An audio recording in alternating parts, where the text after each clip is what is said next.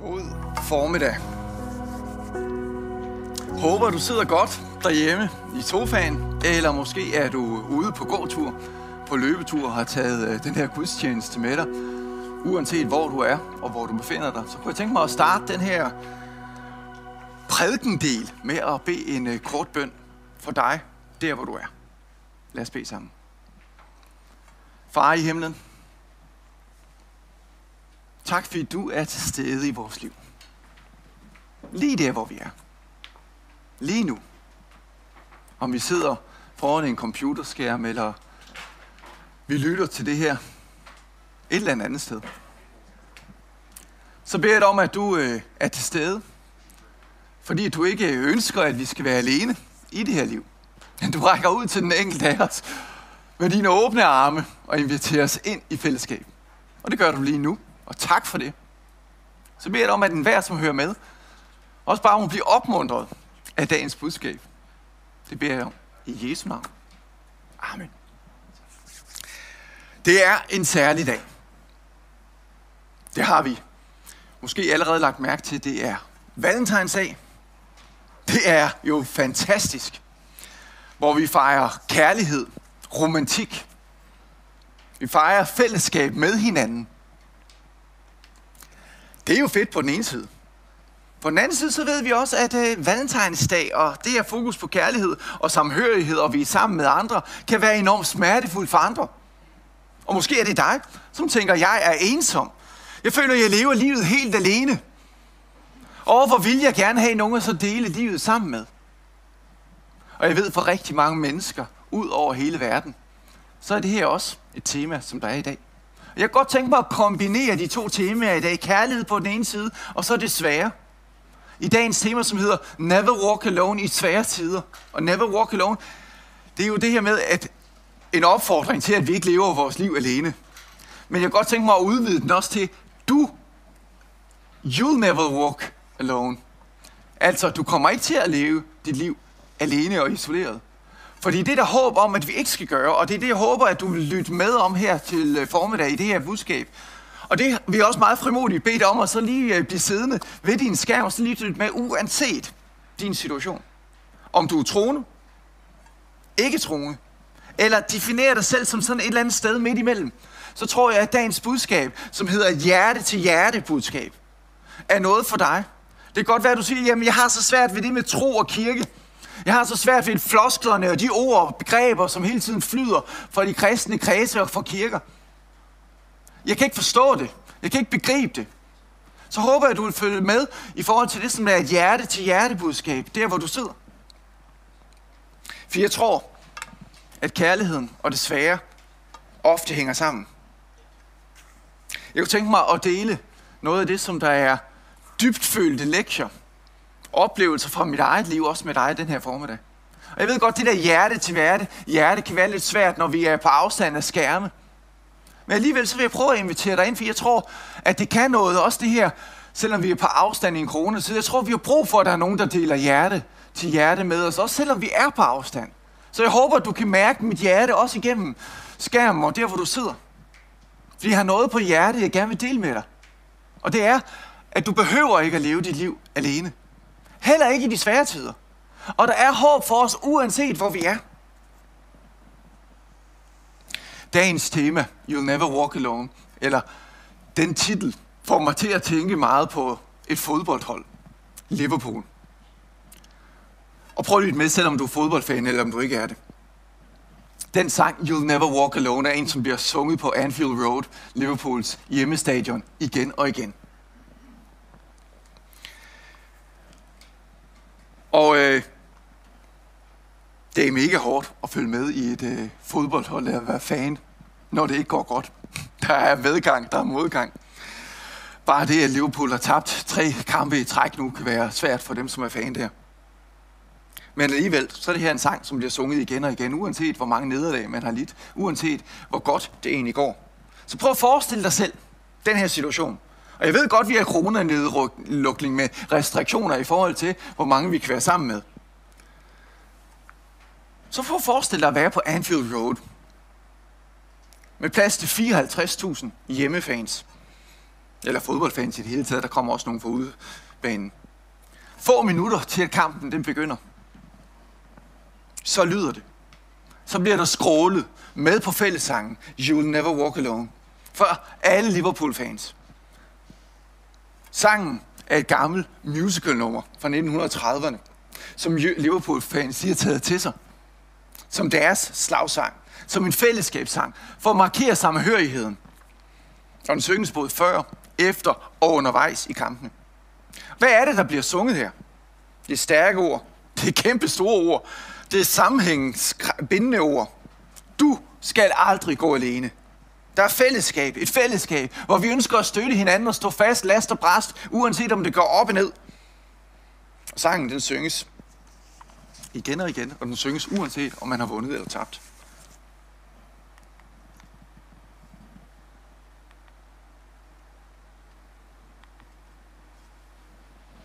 Og jeg skal lige have hjælp til at lige skifte til øh, det næste slide her. Tak. Når du går gennem en storm, lyder det. Synger man. Så hold hovedet højt. Og vær ikke bange for mørket ved afslutningen af stormen. Er der en gylden himmel. En smuk sang fra en lærke. Og videre til den næste. Gå videre gennem vinden. Gå videre gennem regnen. Selvom dine drømme måtte blive rystet og knust. Og jeg håber, du hører med her. Det kan godt være dig, der har drømme, som er blevet rystet og knust. Gå videre. Gå videre med håbet i dit hjerte, og du vil aldrig gå alene. Jeg synes, det egentlig er en fantastisk proklamation og sang, egentlig som bliver funget, sunget på det her stadion. Og jeg tænker at tage den lidt videre, så det ikke bare er samhørigheden med mennesker, som vi kommer til at opleve. For nogle gange så vil vi opleve, at vi kommer til at stå der helt alene, selvom mennesker, som vi har stået last og bræs med ofte, ikke kunne gå med os, der hvor det måske var allersværest. Det hvor deres ord og opmundringer ikke var relevante og simpelthen ikke kunne nå ind til os. Sådan er det med Gud. Han ønsker at være der. Han siger, du behøver ikke at gå alene. Gud han ønsker at være der for dig. Det er netop derfor, at Gud han så, at mennesket skulle skabes til et fællesskab med Gud. Det var det, vi oprindeligt var skabt med, så vi kunne have fællesskab. Og han så, at det ikke var muligt for os egentlig at leve op til ham. Så han sendte sin egen søn, Jesus. Det er egentlig det, som evangeliet, det gode, de gode nyheder i Bibelen handler om. For at vi kunne få fællesskab. Så selve dagens budskab er jo selve evangeliets budskab, om at vi ikke behøver at leve vores liv alene, men han ønsker at gøre det sammen med os, og han står med åbne arme, uanset hvem vi er, og inviterer os ind til fællesskab. Og han siger, jeg vil altid være der, uanset om andre de falder fra. Det er også mit budskab i dag. Uanset hvad du står med eller i, så er der håb. Bliv ved med at gå. Gå videre med håb i dit hjerte, og du vil ikke gå alene. Men hvad er det så for et håb? Jeg tænkte mig lige at læse fra salmernes bog. Vi er i det gamle testamente. Og uanset om du er vant til at læse i Bibelen eller ej, så håber jeg, at du kan få lidt inspiration til at åbne den. Til at blive nysgerrig på, hvad der står. Jeg plejer altid at sige, lad være med at stå hjernen fra, når du går i kirke. Men bliv nysgerrig, gå selv hjem og så åbne op, tjek efter, hvad er det, der bliver sagt. Se, hvordan du tolker og mærker de ord, som der egentlig står i Bibelen. For jeg tror, der er relevans af ordene i dag i 2021, ligesom dengang de blev skrevet. Og jeg tror på, at vi kan få noget ud af dem. Og jeg tror også på, at vi i Bibelen kan få den der fornemmelse af, at vi ikke går alene. Vi går sammen med mange andre, der har gået der før os. Så det er jo egentlig fedt, at vi oplever det. Så prøv at slå op i salmernes bog. Og her i salme 9, 139 står der følgende vidunderlige vers. Det er for underfuldt til, at jeg forstår det. Det er så højt ophøjet, at jeg ikke fatter det. Hvor skulle jeg søge hen fra din ånd? Hvor skulle jeg flygte hen fra dit ansigt? Stiger jeg op til himlen? Er du der? Lægger jeg mig i dødsriget? Er du der? Låner jeg morgenrødens vinger og slår mig ned, hvor havet ender? Og leder din hånd, så leder din hånd mig også der. Din højre hånd holder mig fast.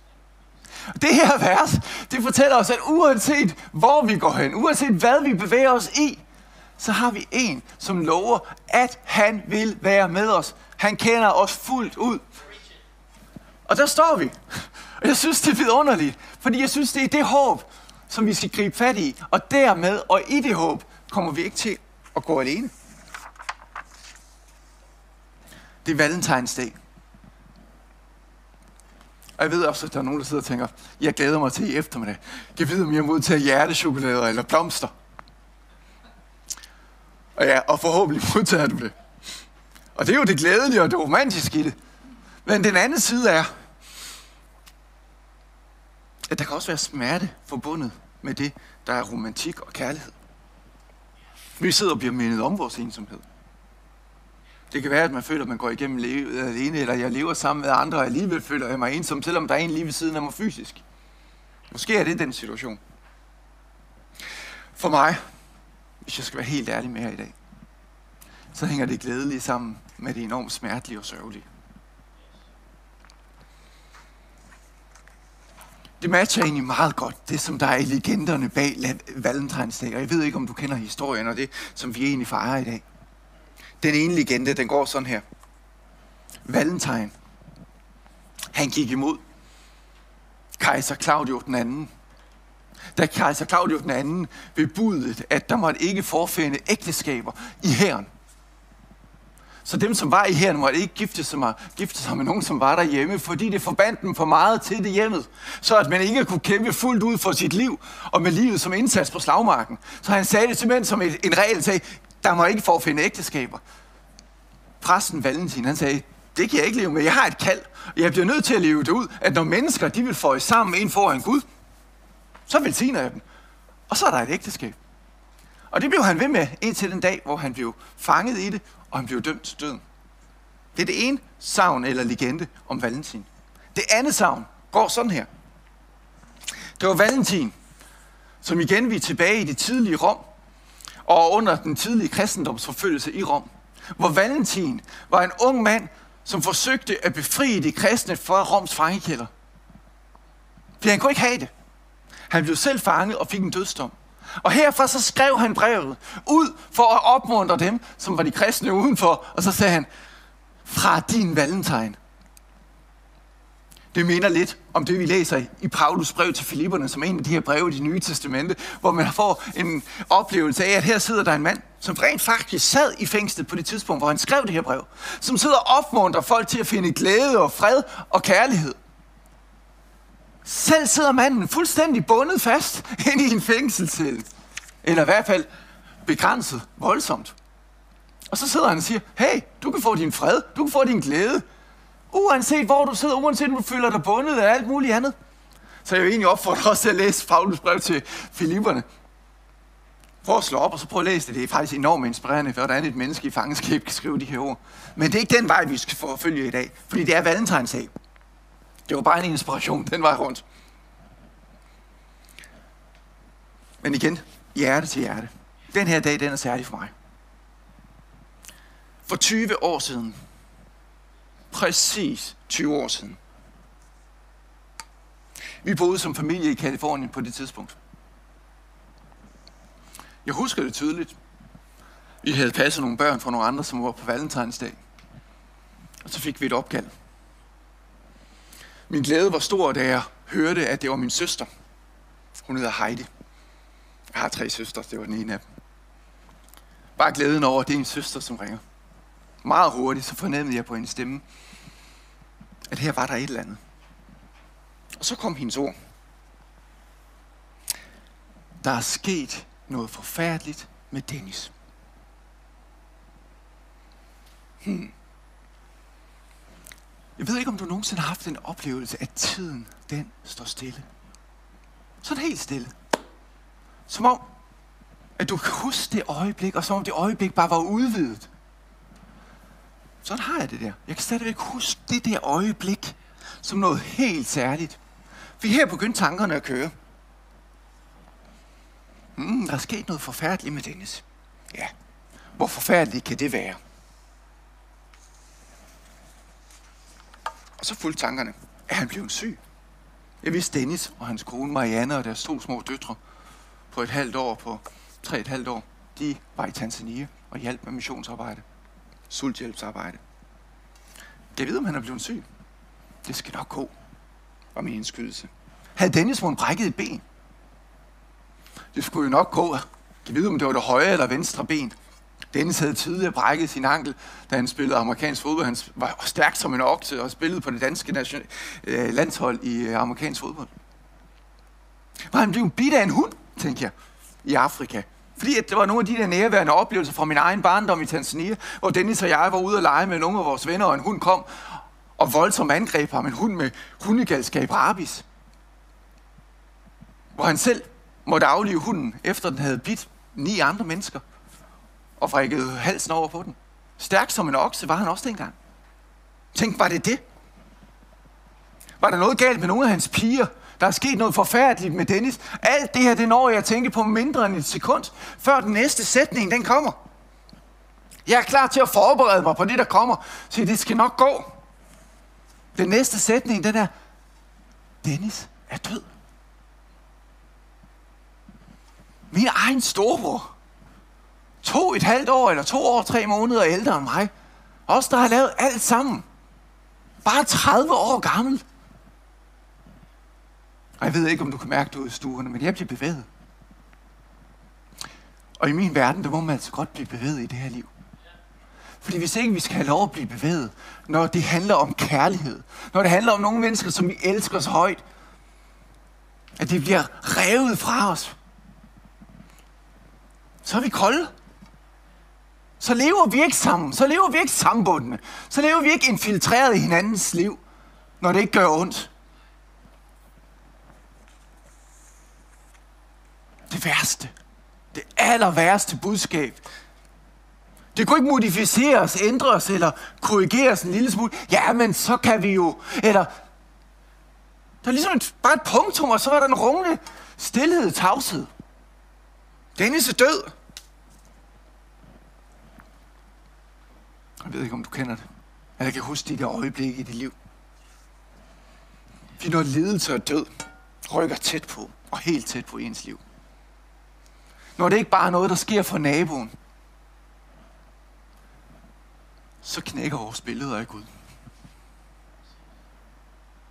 Billeder af Gud, som særligt passer på mig, og at når jeg har hengivet mit liv til Gud, eller når jeg bare er ordentlig ved andre mennesker, kan det også være, at du tænker, hvis du ikke har Guds dimension i dit liv, når jeg bare lever ordentligt, så vil jeg også få et ordentligt liv, og så vil der ligesom være noget skæbne, som passer på mig. For min verden er altid tryg og sikker. Der kommer ikke til at ske noget med mig. Eller billedet af Gud som værende min lykke. Og lykke betydende, at alting er lykke. Sådan nogle billeder af Gud, de smuldrer.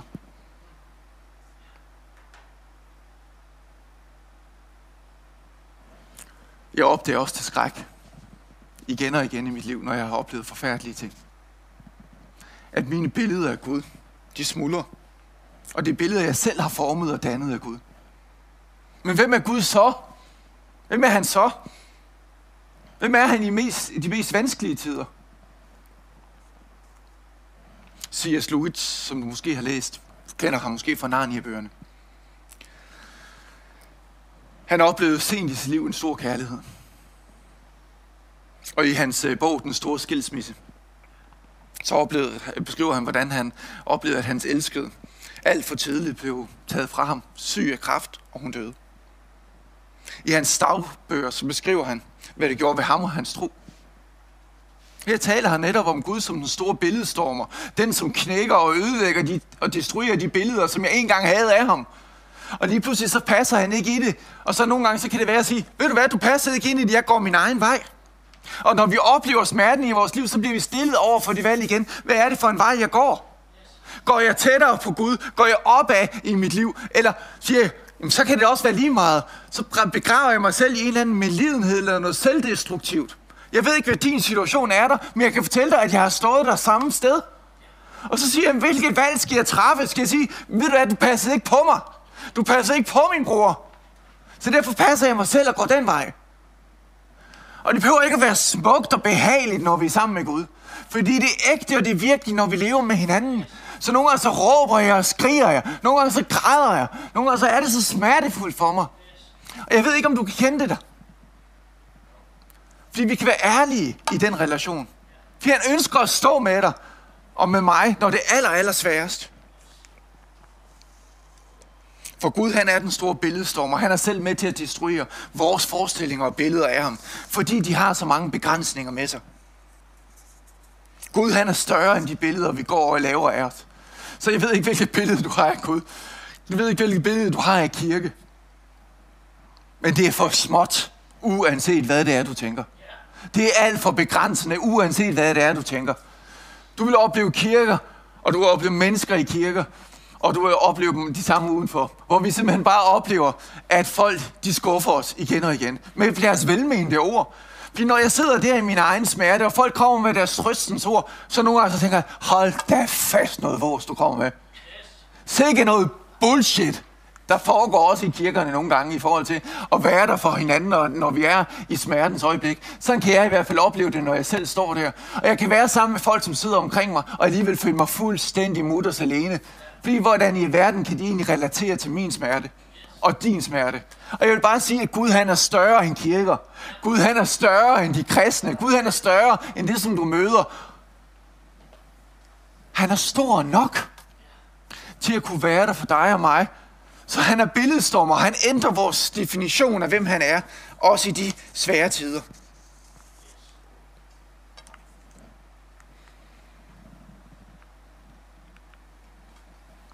Jeg kunne tænke mig, at øh, vi skulle kigge på et par verser. Jeg vil bare lige få et par kommentarer til nogle enkelte verser her fra Romerbrevet. Vi er igen i det nye testamente. Og øh, Romerbrevet, fantastisk øh, bog, og også et fantastisk kapitel. Så jeg vil egentlig opfordre dig igen til at læse helheden i det. Og få det med. Jeg vil bare tage nogle enkelte vers og lige koble nogle kommentarer på. Der står i Romerne 8 fra vers 24 til 39 følgende. Til det håb er vi frelst frelst igen. Vi er frihalset, vi er sat fri. Med, men et håb, som man ser opfyldt, er ikke et håb for hvem. Håber på det, man kan se. Når vi håber på det, vi ikke ser, venter vi på det med udholdenhed. Og også ånden kommer os til hjælp i vores skrøbelighed. For hvordan kan vi bede? Og hvad skal vi bede om? Det ved vi ikke. Til det håb er vi frelst. Og hvis vi havde læst hele kapitel 8, så ville vi høre fra starten af, at der er ingen fordømmelse for dem, som er i Kristus. Det vil sige, uanset dit livs situation, så siger han ikke, han kigger ikke på dig og siger, ved du hvad, det var godt nok ærgerligt, du har træffet de der valg i dit liv. Men han kigger på dig og siger, der er ingen fordømmelse. Ved du hvad, du kan komme fuldstændig som du er. Kom ind i min favn. Det er der, vi tager afsættet. Og han siger også håbet om det evige liv. Håbet. Selv døden behøver vi ikke at frygte. Sikke et håb. Selv døden skal ikke adskille os fra Gud. Og det er jo et håb, når vi står i de mest forfærdelige situationer, at når jeg kigger på min øh, bror og hans liv, og når jeg savner ham en dag som i dag, så ved jeg, at selv døden skal ikke skille mig fra Gud og hans kærlighed. Selv i døden skal vi ikke vandre alene, for han vil være med os. Og hvis vi havde læst det foregående vers i, i vers 18 her, så står der netop, at vi har, vi har med lidelse at gøre, som er for en tid. Men det er intet at regne imod den herlighed, som skal vente os. Fordi vi har håbet om noget, der er bedre. Han elsker os, som ikke har styr på det hele. Og som sidder i smerte og føler os ensomme. Der er langt fra perfekte. Og ikke nødvendigvis stolte af det, vi har gjort, og de handlinger, vi har gjort. Til det håb er vi frelst. Men ånden selv går i forbøn for os med uudsigelige sukke. Og han, der renser hjerterne, ved, hvad ånden vil. For den, der går i forbøn for de hellige, og øh, de hellige efter Guds vilje. Og her igen får vi bare en bekræftelse på, at Jesus, som kom til jorden, han kan ikke være alle steder. Men øh, derfor sendte han også helgen. Og det er det, vi skal høre senere øh, på det her forår øh, med, med pinsedagen, som egentlig markerer, at Helligånden kom for, at han kan være alle steder værende. Han kan være hos dig, og han kan være hos mig i dag, for at vi ikke skal vandre alene. Ånden selv går i forbind, så selv når vi ikke har ord, selv når vi ikke ved, hvad vi skal sige, så er der en, som siger, jeg beder for dig. Jeg skal nok hjælpe dig med ordene ind i det her. Det er fantastisk. Vi ved, at alting samvirker til gode for dem, der elsker Gud. Og som efter hans beslutning er kaldet. For dem, han forud har kendt, har han også forud bestemt til at formes efter sin søns billede. Sådan at den første fødte blandt mange brødre. Uanset hvad, så vil Gud hjælpe os med at få noget godt ud af det svære og næsten umulige, som vi står i. Det kan vi hvile i. Vores fremtid som kristne er altid bedre end vores fortid. Fordi det vil altid være et håb om, at det, som venter os, det er bedre. Og prøv lige at høre et ord. Det er jo fantastisk. Og det her, det er noget, som øh, gælder i både sygdom og i død. Min svigerfar, Palle Engberg, som øh, var en del, kom i den her kirke, som øh, jeg står i i dag, øh, han nævnte altid det her vers. Selv da han selv lå på sit eget dødsleje, så sagde han, husk nu, i skal ikke sørge for mig, for jeg skal et bedre sted hen. Og så husk, at alting det samvirker til gode.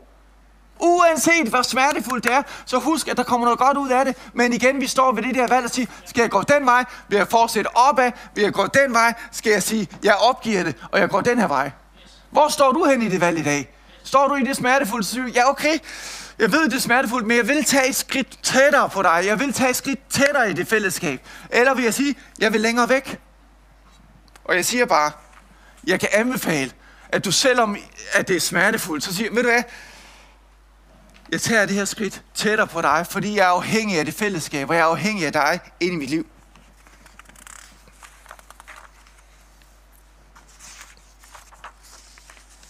Her igen får vi et tydeligere blik af, hvem Gud han er. Fordi det virker til sammen til gode. Uanset hvad vi står med. Hvis det kunne være vores positive syn, og så sige, ved du hvad, vi skal nok få noget godt ud af det her. Der er en mulighed for, at vi kan få noget godt ud af det her. Og dem, står der så videre, som han forud har bestemt, har han også kaldet. Og dem, han har kaldet, har han også gjort retfærdige. Og dem, han har gjort retfærdige, har han også herliggjort. Her er vi tilbage til en af de her nøglesætninger i Bibelen. Det handler om, at af noget er vi frelst. Det vil sige, at noget har vi fået det. Det skyldes ikke jer selv, men Gud sagde gaven. Det vil sige, at vi har fået det fuldstændig, uden at vi selv kan rose os af det. Sige, åh, jeg var så stærk, dengang jeg stod i den her svære situation. Nej, uden han siger, ved du hvad, jeg kender det, og jeg skal nok gå i forhånd for dig, jeg skal nok være der hos dig, jeg skal nok hjælpe dig igennem. Så vi ikke har noget at rose os af sige, det var fordi, jeg var så god til at vælge rigtigt i mit liv, og til at gøre det rigtige. Der står vi.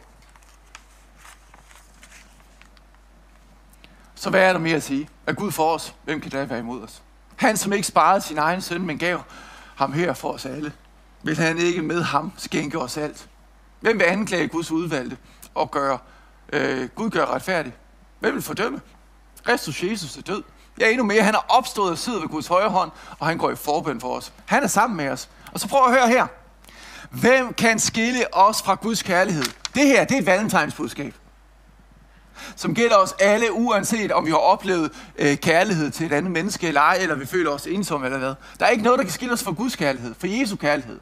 Hverken nød, angst, forfølgelse, sult eller nøgenhed, fare eller svær.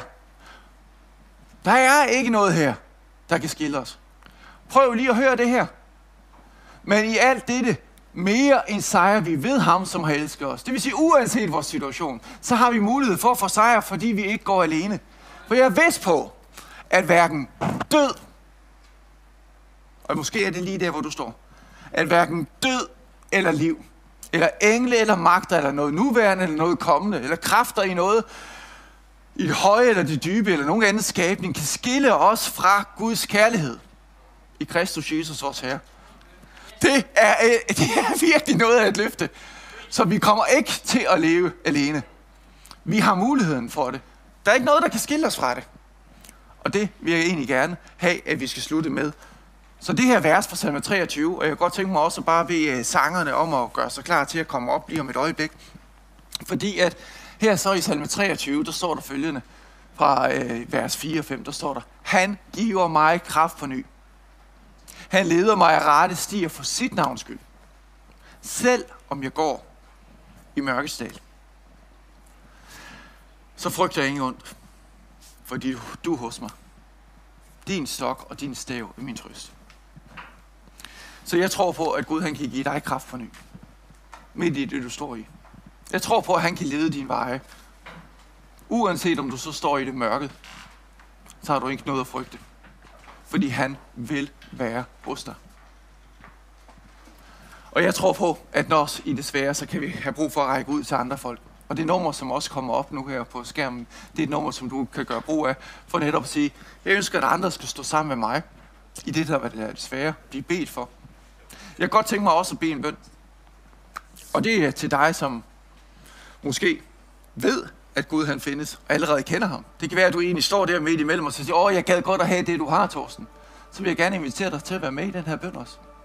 Til egentlig jeg så kalde, og så bare sige, jeg ønsker det, du har. Jeg ved ikke helt, hvad det er, og jeg er usikker på det, men jeg ønsker egentlig at invitere Jesus ind i mit liv som en medvandrer, fordi jeg ikke ønsker at leve livet alene. Og det er uanset om du har folk omkring det, eller om du ikke har. Så jeg kunne godt tænke mig også at tage dig med i den her bøn, og du beder med sammen med mig. Så lad os bede sammen. Og jeg håber, du vil blive med der, hvor du er. Far i himlen. Tak fordi du kender mig fuldt ud. Alle mine fejl, mine mangler, min fejltrin. Jeg ønsker bare at kende det for dig. At jeg forsøger at leve mit liv alene. Og selv have styr på tingene. Og lige nu vil jeg bare erkende, at jeg har brug for en medvandrer. Dig i mit liv. Tak fordi du tilgiver alle mine fejlvalg. Og der ikke er nogen fordømmelse, når vi kommer til dig. Tak fordi du tager imod os med åbne varme. Og jeg ønsker at give dig mit liv. Både det gode, men også alt det dårlige og elendige og alt, hvad jeg kommer med. Og så ønsker jeg at bede en bøn for alle jer, som sidder derude. Jeg ønsker at bede Jesus, at du skal røre i mit hjerte i dag. Ved enhver, som følger med hjerte. Du kender vores livssituation. Og vi føler os ensomme, svigtede, såret. Om vi lider. Om vi har mistet. Om det er døden. Ved om du kommer med dit budskab. Og lad os opleve en fred i vores hjerte. Hverken det ene eller det andet i vores liv kan forhindre skille os fra dig. Hverken død eller liv eller noget som helst andet.